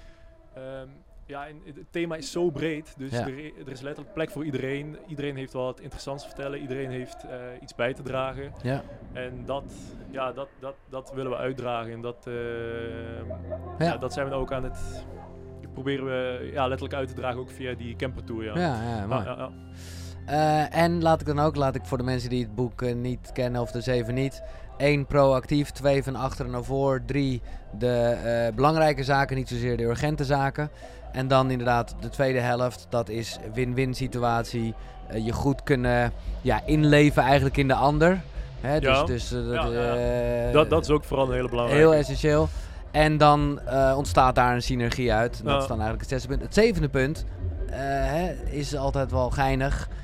Is het scherp houden Sharpen van... Precies, van de zaag. Hoe, hoe hou jij... Wat zijn voor jou... eh, ja, hoe hou jij dat scherp? Ja, Nou ja, die, die, die keer dat je wel een drankje neemt misschien. Of ja, ik weet niet. Ja, ja nee, goede. Eh, wat ik me daar altijd bij voorstel is... Je wil een balans hebben tussen... ehm, het daadwerkelijk eh, produceren, creëren... ehm, dat soort zaken. Ja. En het optimaliseren van die, van die processen, om het maar Ja. heel mechanisch te stellen. Maar dat, dat is ook zeker een belangrijke. Hoe ik daar balans tussen hou, was je vraag. Nou ja, hoe, hoe, precies. Hoe hou jij... Wat zijn voor jou dingen waarmee je de, je eigen zaag, scher, zaag scherp houdt? Ehm, ja, dat is een goede vraag. Ik denk dat ik daar recent ook wel een mooi inzicht in heb gehad. En dat is... Ja, af en toe gewoon een beetje rustig aandoen. Ja, nee, maar dat is, ik, ik kan me voorstellen dat je die kennis heel erg goed hebt. Ja. En wat ik, dit is een beetje projectie vanuit mezelf. Dat ik bijvoorbeeld heel goed weet hoe gezond het is om te lummelen. ja. Maar ja, het is best lastig om te denken, om in je agenda te zetten, ik ga van twee tot vier lummelen. ja. Want, want ja, dat is juist iets niet actief doen. Ja, Ja. ja, ik denk dat daarbij ook gewoon belangrijk is om je te beseffen, tenminste voor mij was, Ja. is dat heel belangrijk, dat ehm, ja, als het goed is duurt het leven nog heel lang, dus je hebt gewoon tijd. En ik heb wel heel erg gehad dat ik elke dag wilde ik pro- productief zijn, eh, ja precies. wil ik lezen, wil ik studeren, Ja, wil ja, ik werken, eh, ja. wil ik bepaalde to-do-list afwerken. Ja. En als dat dan niet lukte, nou dan kon ik wel chagrijnig om worden. Ja, En ja, voor even hou je dat wel vol, maar op een gegeven moment loop je toch tegen zo'n barrière aan dat je denkt van, wat ben ik eigenlijk aan het doen? En ehm, het gaat ook ten koste van het plezier dat je in je werk hebt of dat je in je werk kan hebben. En dat is wel iets wat ik... maar hoe lukt het je? Want ik vind het een mooie, blij, ik bedoel, dat je het hebt geconstateerd, dat snap ik nog wel. Ja, Maar hoe je het ook toepast, ben ik gewoon wel eh, nieuwsgierig naar. ja, dat vind ik moeilijk te zeggen eigenlijk. Dat Ja. is, het is gewoon een, een besef wat op een gegeven moment tot je komt. En dan... Ja, ik, ik kan je eigenlijk niet vertellen waarom ik dat vroeger niet had en nou ineens wel. Nee. Dat is toch het is ook een beetje een state of mind. Het is ook het ervaren, Ja. ehm, maar je wel altijd bewust af blijven vragen van wat ben ik aan het doen en waar, waarom ben ik het aan het doen. En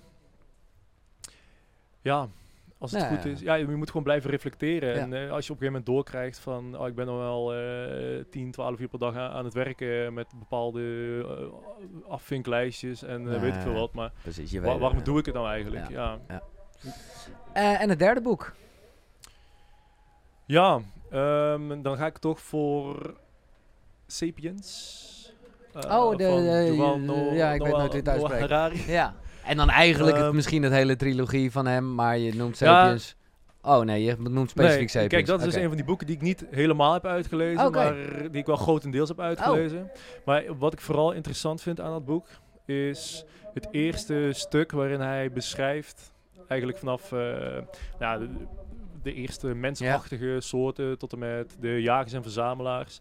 En dan eh, hoe die overgaan in de agriculturele revolutie. En ja, hoe je ziet dat ja, wij de, de mens eigenlijk gemaakt is om als jagers, jager en verzamelaars door het leven te gaan. En op het moment dat wij ons zijn gaan settelen, eh, we zijn de landbouw gaan bedrijven, we hebben stukken grond geclaimd als het ware. En we zijn afhankelijk geworden van die oogst. Ja. Dat het toen ja, min of meer bergafwaarts is gegaan. ja. En het, eh, de reden daarvoor, die ik met terugwerkende kracht daar heel erg in zie, is dat op het moment dat wij ons zijn gaan settelen als jagers en verzamelaars en een concept hebben gekregen van bezit, Ja. dat daarmee ook ons concept van schaarste besef is gekomen. Ja. En ik denk dat bijna alle problematiek in, eh in een mensenleven, dat dat terug te voeren is op eh, schaarste. terwijl, die, dus, eh, dat, wel, dat helemaal niet nodig is. Terwijl die, als je naar die jagers en verzamelaars Ja, kijkt, ja, die hadden niks, die trokken rond, die Ja. hadden geen koelkast, die hadden Nee. geen bankrekening, Nee. die hadden geen stuk grond. Nee. Die gingen elke dag, werden die wakker, die gingen de natuur in. Ja. en die, die leefden in een staat van overvloed. Want die was er ook, want ze waren één met de natuur. En de natuur die is overvloed. En pas vanaf het moment dat wij zijn gaan settelen, we zijn bezit gaan claimen, we zijn afhankelijk geworden van, van een oogst of van een landheer die Ja. ons dan zou beschermen ten tijde van. ehm, is dat concept van schaarste pas eh, ontstaan. En daardoor angst ook, de angst voor Ja. schaarste. En, Nee, eh, eh, ja, dat is sinds die agriculturele revolutie is dat eigenlijk nooit meer uit ons, eh, uit ons menselijke bestaan of uit onze menselijke samenleving gegaan. Nee. En ik ben benieuwd eh, of we nog ooit mee gaan maken dat we weer terug naar. eh, nou ja, dat is ook wel inderdaad. nou, ik ben blij dat je het nu zelf of wij dat nog mee gaan Het is bijna een soort onomkeerbaar proces natuurlijk. Eh, maar goed. eh, ja, dit is leuk. Ik onderbreek even het gesprek. Maar eh, alle boeken die je net gehoord hebt, die zijn terug te vinden natuurlijk op de site koekeroe.nl slash boekenkast. Maar ik heb een extraatje. Want daar vind je ook een link naar een aanbieding van Nextory. Waarmee je alle boeken 50 dagen gratis kan lezen en luisteren. En dan hebben we het niet alleen over deze drie boeken. Nee, er staan daar 300.000 luisterboeken en e-books. Dus ga naar koekeroe.nl slash boekenkast om 50 dagen lang gratis Nextory te gebruiken. Top toch? Thanks. Maar, maar begrijp ik, heb je, heb je Sapiens niet uitgelezen of heb je die andere twee delen niet gelezen? Nee, ik heb Sapiens na het laatste stuk heb ik niet helemaal uitgelezen. nee. Wauw. Nou ja, Eh, kleine eh, tip. mo- moet ik hem terugpakken? Nou, ik zou vooral dat Sapiens, dat weet ik even niet meer. Ja, dat- eigenlijk sowieso. Maar, eh, want hij heeft daarna ook nog een, eh, twee boeken geschreven. Ja, Homo Deus. Ja, Homo Deus. En eh, dat lijkt mij voor jou als biohacker. En, want er komt ook nog, het Eh. derde boek is de echte, de, de, een beetje futuristisch zou je Ja, dat kunnen gaat zeggen. richting het ehm De ontwikkeling. eh, transhumanistische ook en zo. ja, dat is wel interessant hoor. Ja, ik, ik moet zeggen dat. Eh, er staat me altijd een beetje iets aan tegen, aan dat transhumanisme. Eh, misschien dat dat juist de reden is dat ik het boek moet gaan lezen. En ik zal het... eh, nee, maar wat staat je erin tegen? Ik vind het wel leuk. Ja, kijk, je kan er ook in doorslaan. Ehm, Nee, maar goed, het gaat heel erg over eh, bijvoorbeeld... Nee, ik heb er met Moke Dat een, eh, mooi gesprek over eh, gevoerd. Over, over eh, artificial intelligence en Ja. dat soort dingen. Nou ja, dat lijkt mij toch dat dat eh, voor iemand... eh, nou ja, niet Ja. alleen vanwege je leeftijd, maar ook vanwege je interesse. Ja, dat is best wel interessant. Ja, ja nee, het is, het is natuurlijk super interessant. En de mogelijkheden die daarmee ontstaan, die zijn ook super interessant. Alleen ik denk dat je daar wel over een heel dun lijntje loopt. eh, waarvan als je de verkeerde kant op gaat, Ja, dat daarom. ook hele gevaarlijke Ja, eh, dat is precies waar het over gaat. meebrengt. Ja. Kijk, je hebt nou ook eh, Elon Musk die met de Neuro Neuralink Ja, bezig is. Die wil onze mind koppelen aan AI. Ja, Ja, ik denk dat dat, ik, ik, ik denk dat dat spelen met vuur is. Want de, kijk, hij steekt het in op een manier van... Hij wil daarmee mensen met eh, chronische neurologische schade... Mm. Dat, Nee, dat, maar dat dat is gaat de, dan de niet main focus. ja. Alleen als dat een succes blijkt... dan nou, eh, gaan we de entertainment kan op Ja, en weet ik wat tuurlijk, allemaal. Nee, tuurlijk, dat... tuurlijk. eh, Ehm, en enerzijds is dat natuurlijk super, super gaaf en super interessant en super eh, opwindend. Maar aan de andere kant denk ik, ja, het hoeft maar in de handen van de verkeerde Ja, figuur te nou ja, vallen. d- ik zou zeggen, Eh. lees, maar lees dan zeker dat Moker dat trouwens, als je niet zo'n lezer bent, dan, want dat gaat echt heel erg hierover. En is heel erg een doemscenario en uiteindelijk, eh, nou ja, spoiler dan een beetje, maar dan gaat, het, dan gaat het wel wat breder dat in de essentie mensen echt wel goed zijn Ja. en het dus hopelijk Ja. wel goed komt. Kijk, dat, dat, die hoop heb ik dus ook. Want we- wat we nu met AI aan het doen zijn, ehm, momenteel al die datafarming. Ja. Ja, we zijn nu letterlijk eh, het bewustzijn van de toekomst aan het voeden. ja. De, de AI, het AI-bewustzijn van de toekomst aan het voeden. En die AI die slaat alles op. Ja. Ja, de data die het maar gevoerd krijgt. Dus daarmee is het gewoon ongelooflijk belangrijk dat we die AI het goede beeld exact. voeren. Ja. Ehm, ja, dan denk ik, als ze data van Facebook gebruiken en zo. Dan heb je niet echt een beeld van, eh, een goed beeld Dan van de denk ik niet mensheid. dat het goed komt, hopelijk. nee, Vandaar exact. goed dat er ook dit soort eh, podcasts zijn natuurlijk. Ja, ja. En, ehm, En Ja. ehm, zou je zelf, ja, want eh, zou je zelf ooit een boek willen schrijven? zeker. Ja, nee, Ja. oké. Nee, dat, eh, dat wil ik zeker wel doen. Ik ben momenteel een nieuw programma aan het schrijven voor Ikigaits. Ehm, de Quantum Blueprint gaat het waarschijnlijk heten. En ja, dat is eigenlijk al een soort van boek schrijven. Ah, oké, dat zit er al. Ehm, eh, Het is wat praktischer. Ja. Ehm, het wordt echt een zesweeks programma ook, eh, wat mensen kunnen gaan volgen. Maar ja, dat, dat zit al tegen het boek schrijven aan. oh, maar ja, die ambitie die heb ik wel, ja. Ik heb er alleen geen haast mee. Nee, Nee. nee, dat snap ik ook. Ehm, ja, ik wil straks even specifiek een eh, programma uitlichten. Eh, maar eerst toch nog even op basis van waar we het net over hadden. En dat je wel ja, gelooft in de goedheid en, eh, van een mens, om het maar zo over te zeggen. Mm. Hoe spiritueel ben je eigenlijk, Lars? Zo, dat vind ik wel een, eh, dat vind ik eerste een hele brede, brede Dat vraag. is, maar ik, ik doe het bewust Ehm. omdat, ja, ik weet ook niet wat het voor jou betekent. Ja. Iedereen heeft natuurlijk een soort andere waarde aan dat woord. En daarom, Ja. hoe algemeen ik hem stel, hoe beter antwoord ik krijg eigenlijk. Ja. Eh, nee, ik denk dat ik relatief wel aardig spiritueel ben, ja. Misschien dat dat er aan de buitenkant niet eh, heel erg eh, uitstraalt. Maar dat is wel iets waar ik, nou, zeker de laatste jaren, wel heel erg mee bezig ben. Ja. Ik geloof wel dat er een sturend iets is in het universum. Eh, een programmering. Ja, je kan het ook een god noemen. Of, Ja, ja, ja. wat dan ook. Maar ik denk dat dat allemaal redelijk overeen komt. Nee, maar ik geloof wel dat er ook wel een bedoeling is van ja, wat wij hier allemaal doen. En ja, alleen, ja, misschien zullen we er nooit achter komen. Maar dat, dat vind ik ook juist het mooie aan het leven. Er zijn zoveel vragen. En ja, ik, ik, ik denk de laatste tijd ook wel eens na van wat, wat, wat vind ik nou zo leuk aan het leven? Of wat, wat, Ja. drijft mij? Of wat motiveert mij? Maar dat is achter die vragen aangaan. Ja. En dan niet eens zozeer om daar een definitief antwoord op te krijgen. Maar door achter die vragen aan te gaan. En dat is, dat is zelfontdekking wat mij Ja. betreft. Is, kom je op zoveel... Ja, ik sta af, af en toe echt met open mond als ik weer een boek lees. Ja. Of als ik weer een link leg van... Oh, moeder natuur heeft het zo bedoeld. Of die heeft ons zo geprogrammeerd. Of, Magisch. ja, ik kan er echt... ehm. Ik denk dat dat, dat ik wel een van de mooiste dingen aan het leven vind, ja. Dus dan Ehm, is eigenlijk, ben jij bezig met, nou laat ik maar toch even zelf optimalisatie noemen. Om vervolgens zo lang mogelijk de tijd te hebben om achter te komen wat de bedoeling is.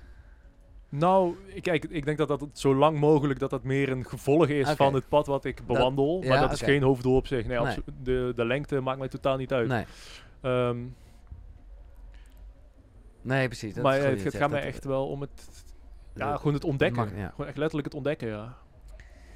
Oké, ehm, ik heb eh, een, een, een, eh, een, een programma gevolgd, iets waarvan ik echt dacht, wow, dit, Oh. is, eh, dit is een ding. Want dit is, nou ja, ik heb ooit, ik herinner mij mijn allereerste nieuwsbriefje, wat ik eh, aan de mensen die in mijn mailbox stonden stuurde.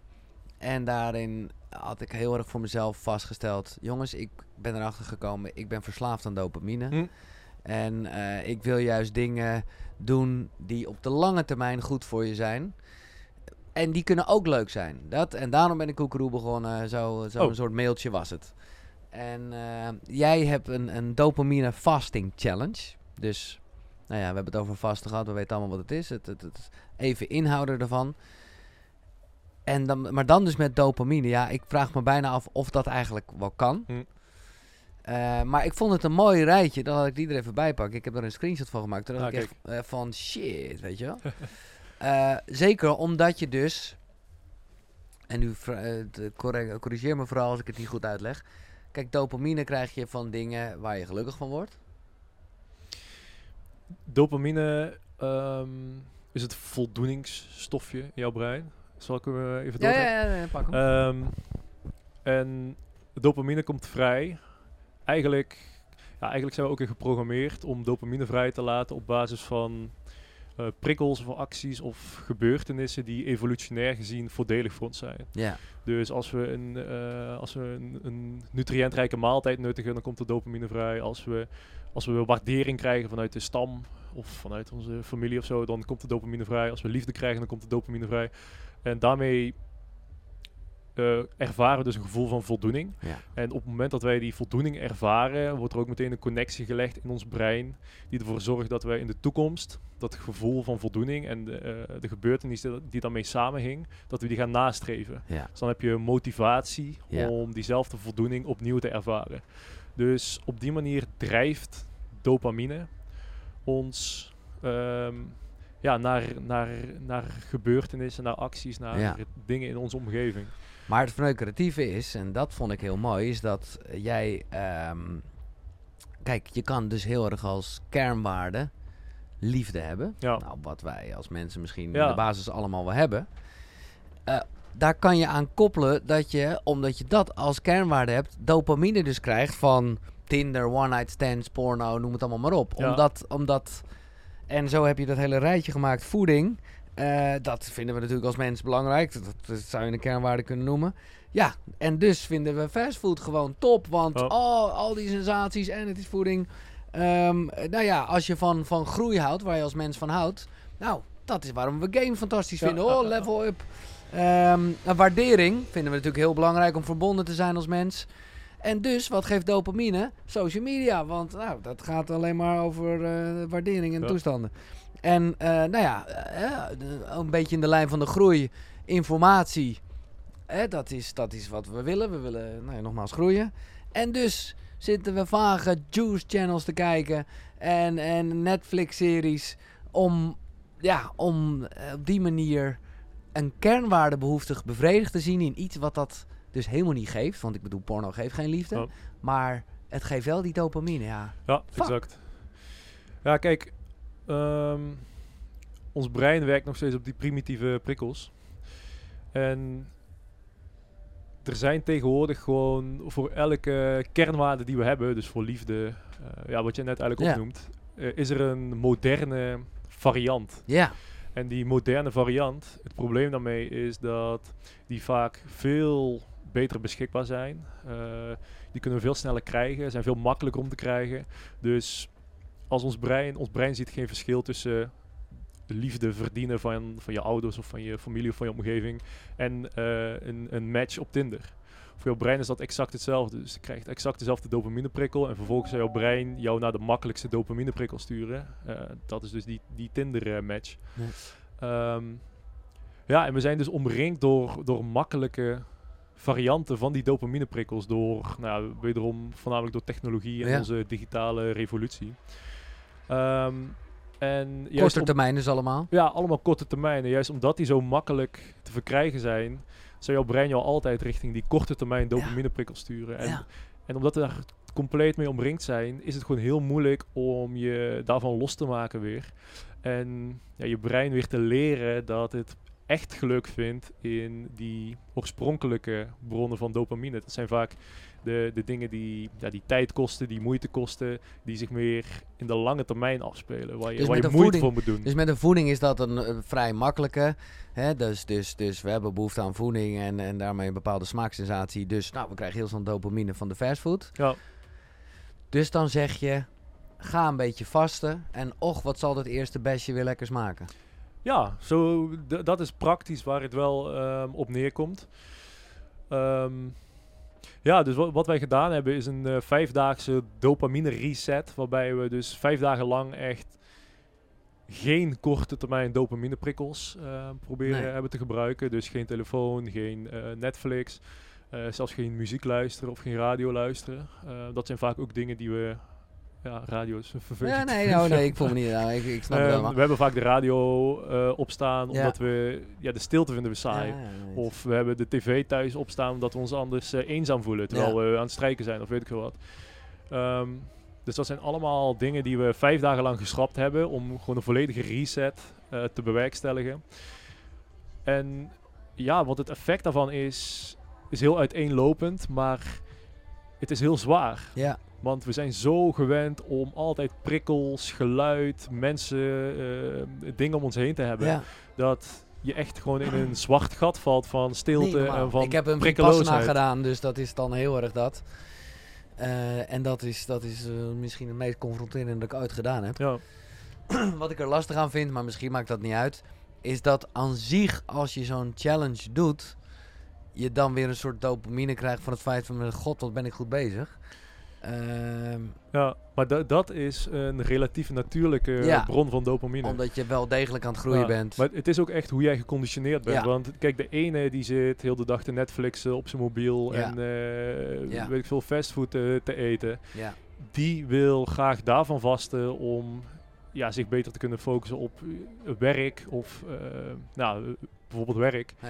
En de ander die is weer verslaafd aan zijn job. Eh, die verwaarloost zichzelf qua voeding en eh, weet ik veel wat. Dus die, die wil weer een gezonde relatie krijgen met zijn werk en de dopamine die daarbij vrijkomt. Dus iedereen heeft zijn eigen dopamine valletjes, Ja, als het ware.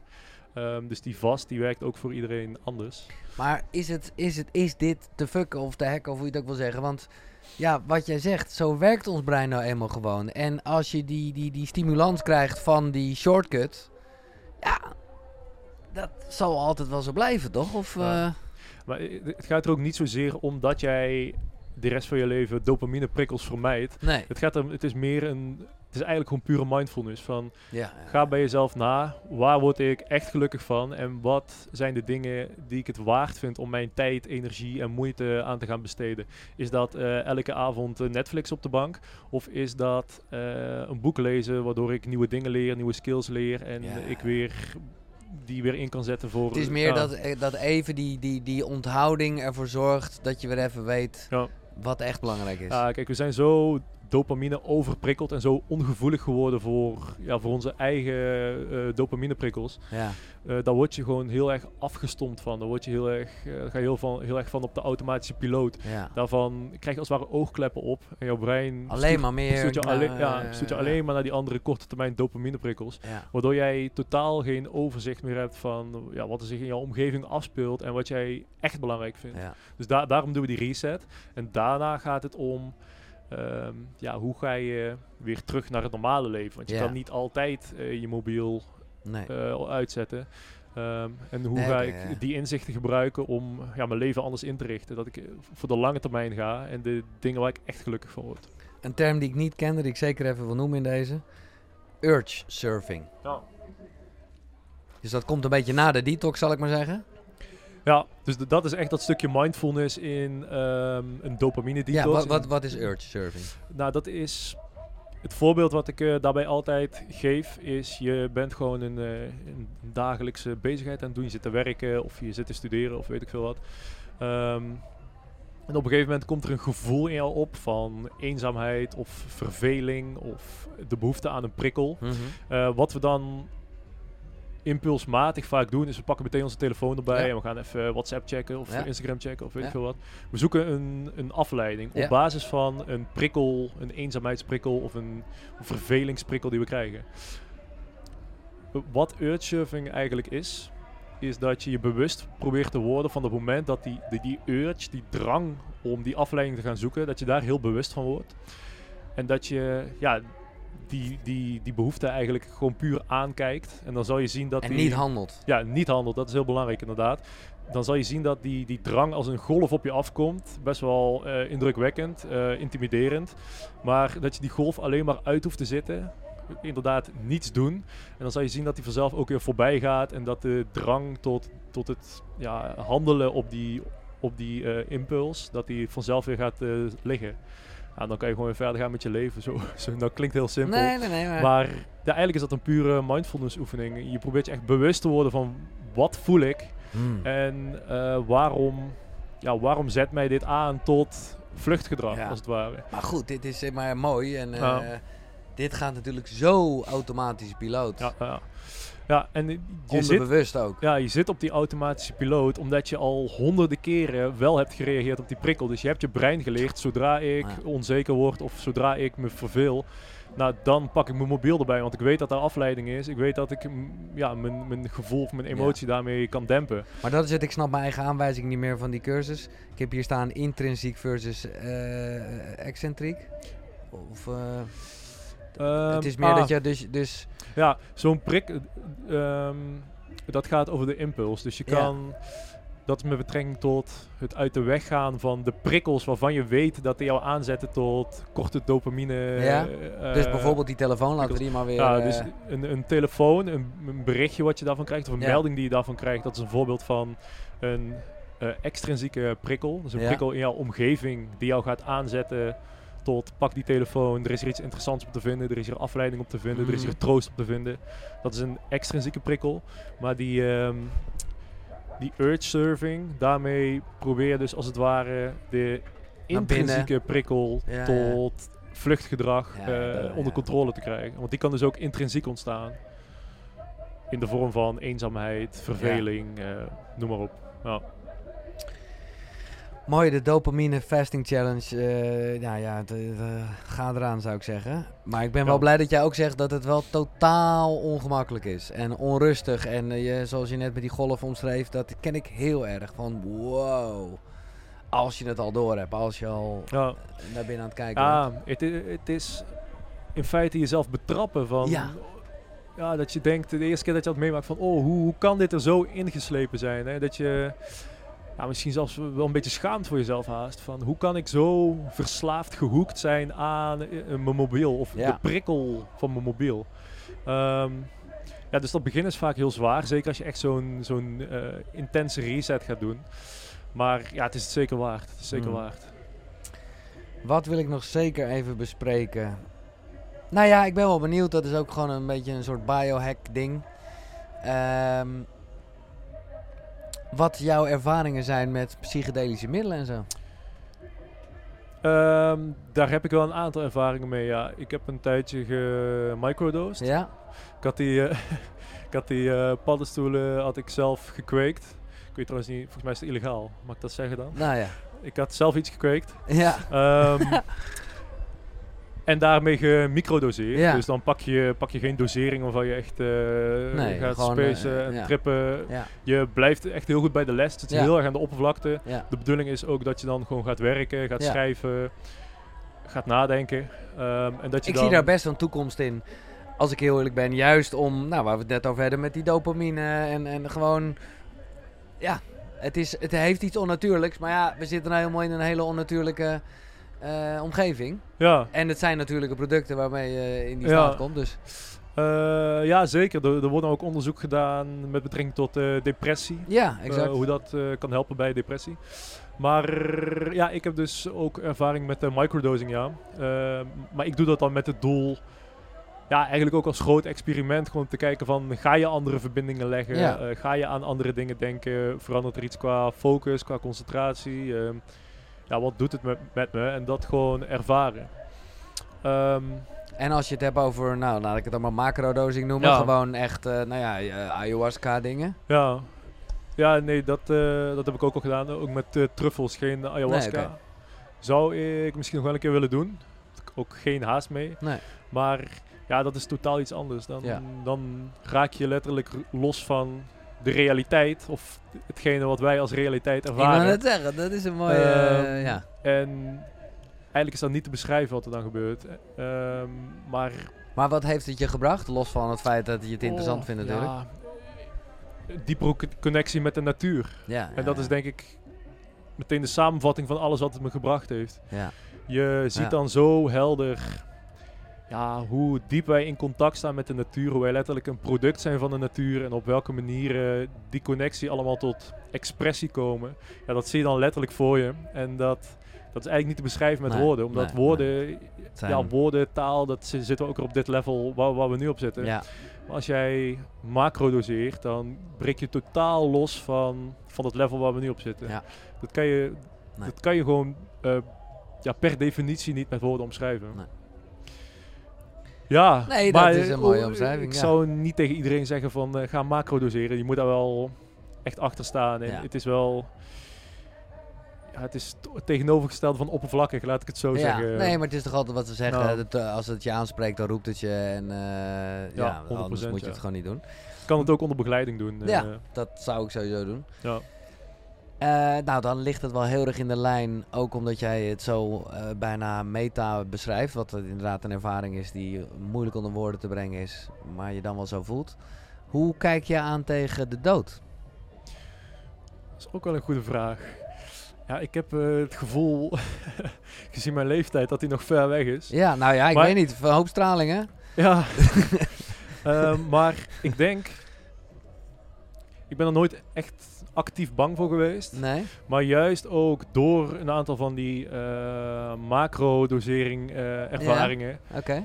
dat ik daar eh, totaal niet bang voor ben. Nee, nee, dat Ehm, je. Ja, je hoort mensen wel eens zeggen van de dood is niet het einde. Dat is juist pas het begin van een, ja, een expansie van je bewustzijn, iets in die richting. En ja, ik kan daar best wel in komen. Eh, En wat denk je dat er gebeurt? Ja, dat is speculeren. Ja, maar dat is eh, wat ik je Ja, nu een, expansie van bewustzijn. Ja. Dat, dat, Maar wat, wat dat dan precies is, hoe dat voelt. eh, Nee. Ja, dat, dat- ik ben Nee. eh, 24 man. eh, Nee, ja. Geen flauw idee. Nee. Geen flauw idee. Nee, dat zeg je te goed. eh, En vind ik ook fantastisch. Eh, ik vind het waanzinnig, Lars, wat je, wat je hier eh, al nu in dit gesprek hebt gebracht. En eh, man, inderdaad, de wereld ligt sowieso aan je voeten. Ehm, maar toch eh, stel ik nu al aan jou, omdat wij dit gesprek hebben, de vraag: hoe zou je herinnerd willen worden? Want oké, eh, de Lars van der Nieuwhof, Hm. die eh, zak vlees, die gaat onder de grond of eh, in de fik, wat je wil. Maar. ehm, Boah, dit is wel een. eh, dit is trouwens ook eentje die. Die vraag wordt gesteld in de Seven Habits of Highly Effective People. Van. ehm op, je- op je, start with the end in mind. Wat ja. zeggen ze? Ja. Ja, dat vind ik altijd wel een moeilijke hoor. Ehm, ja, een inzicht of hetgene wat mij drijft. Dat is misschien een beetje een cliché, maar. Ja, hier meer brengen dan dat je, dan dat je neemt. Iets, iets, eh, daadwerkelijk Ja, ja. iets toevoegen. En dat, En wat, Dat maar dat, oké, mooi. Maar wat, wat wil je geven dan? Ja, ik denk dat ik dan toch wel een grotere verbinding met de natuur wil achterlaten. Ehm, ja, omdat ik denk Ja. dat dat, eh, dat dat Nee, maar dat is ook precies waar je het wel over gehad. Met het zou, eh, ritme, met, met, met de, de, Ja. nou ja, de, het oppassen voor de onnatuurlijke straling. En juist een beetje wegblijven van AI. Dat begrijp ik wel. Ja, ik denk ook echt ja, dat we wel op een, op een keerpunt zitten waar, ja, waarin dat besef ook wel steeds meer naar boven komt drijven. Van, ja, we kunnen gewoon niet zonder die verbinding met de natuur. Want Nee. dan, dan zijn we gewoon Nou ja, ja, we, zijn, we, moedeloos. we zijn het ook. Ja. Hè? Is, eh, ja. Eh, ja, dat zie, dat zie je overal om je heen, zie je dat gebeuren. Ehm, maar ik denk dat dat me, mij wel drijft. Eraan meehelpen om dat bewustzijn te vergroten. En dat, Ja. dat is ook wat ik op Instagram doe in principe. Ik raak heel veel topics, maar als je die topics allemaal wil samenvatten, is het... Ja, ga je terug verbinden met, met, alle, met alle armen die moeder natuur naar je, naar je uitsteekt. En dat, dat vind je in voeding, dat vind je in licht, dat vind je in ja, je circadiaanse ritmes. Ja. Ja. ja. Nee, maar het is grappig en ik snap dat het in jouw hoofd, en je hebt ook gelijk hoor, heel natuurlijk werkt. Maar het voelt juist, hè, en dat is ook wat een beetje kleeft aan biohacking, met een bril op, Hm. met een matje. Maar ja, Ja. dat eigenlijk om meer terug... Ja, precies. De- Dat is ook altijd een beetje de haat-liefde verhouding die ik heb met de term biohacking. Ja, Want het suggereert dat ja, de natuur dat die niet perfect is, maar dat er iets ge- aan gehackt moet worden. Maar dat, dat is niet mijn definitie Nee. van biohacking. nee. Mijn definitie van biohacking is echt je juist verdiepen in de natuur en Ja. leren hoe de natuur in jou werkt. Zodat jij je daarmee in deze verdraaide omgeving je weer opnieuw kan aansluiten op die natuur. Ja. Dus het is eigenlijk een soort van reverse engineering. ja, ja, ik snap het. Ehm, kijk, vroeger was dat niet nodig, want Nee. we waren simpelweg één met dat de was natuur. maar dat, ja. Maar dat zijn we nu niet meer. Dus we moeten nu aan de hand van wetenschap en onderzoek Ja. moeten, we, moeten we die connectie moeten we, ja, gaan eh, uitpluizen als het ware. Om ons op die manier weer te gaan eh, reconnecten. En eigenlijk is dat best wel. Ja, dat heeft wel iets. je Paradoxaal, nee, maar eh, eigenlijk niet. Nee, maar ik weet niet wat je wil zeggen. Ja, eigenlijk heeft dat ook wel iets treurigs, wou oh, ik iets zeggen. Dat we. Oh, ja. we hadden het al, Ja, maar we zijn zo ver afgedreven dat Ja. we nu als het ware een grote omweg moeten nemen om weer terug te komen bij het punt waar we al waren. ja, Ehm, ja. maar ja, het, he- het heeft ook wel iets avontuurlijks natuurlijk. Mooi Lars. Ik, eh, ja, ik wil je ontzettend bedanken voor dit gesprek. Ik hoop, ik heb geen idee, maar dat eh, eh, onze wegen elkaar nog kruisen. En misschien ook iets met Ikigaits uh, samenwerken met Koekeroe. Ik zou niet weten wat, maar... ja, het- dat, het- dat het komt wel uit denk ik. Ja, dat denk ik ook wel. Dat denk ik ook wel. Dus uh, onwijs bedankt. Ja, graag Hier, gedaan. eh, ik eh, vond het leuk in je, in je caravan. In de caravan, ja, zeker. vanaf, vanaf Healthy Fest. Ik ben heel benieuwd ook wat jij als luisteraar of kijker ervan vond. Dus laat dat vooral weten. Als je alleen luistert via je podcastplayer, nou ja, dan kan je een recensie achterlaten. Dat kan dan ook bij Spotify, kan bij iTunes. Doe dat even een keer, want het gebeurt te weinig, zeg ik eigenlijk. Want ik zeg het te weinig. Of je kan een mailtje sturen, gio.koekeroe.nl. De boeken uh, die Lars besproken heeft. Uh, en ik zou ook natuurlijk een linkje naar Ikigai sturen. Uh, vind je op koekeroe.nl slash Lars. En als je dit kijkt, dan zie je ook daadwerkelijk in wat voor lullige caravan we zitten. Nee het is heel tof. Maar dan kan je natuurlijk ook reacties onderlaten bij het YouTube kanaal. Um, ben ik heel benieuwd wat je hiervan vond. Want ik weet dat een aantal van jullie misschien veel meer het spirituele gedeelte graag bespreken. Nou, ik denk dat het nog steeds wel goed uh, benaderd is. Maar het is ja, het is ook wel even heel wetenschappelijk. Wat ik super leuk vind. En laat dat onderachter in de reacties. Of je, ja, gewoon eh, laat ik dat die vraag stellen of je Lars vaker wil horen en zien. Maar dat gaat sowieso gebeuren, maar ik toch ook benieuwd wat je vindt. uh, dankjewel uh, voor het kijken of luisteren dus. Tot de volgende zonnegroet. Hoi.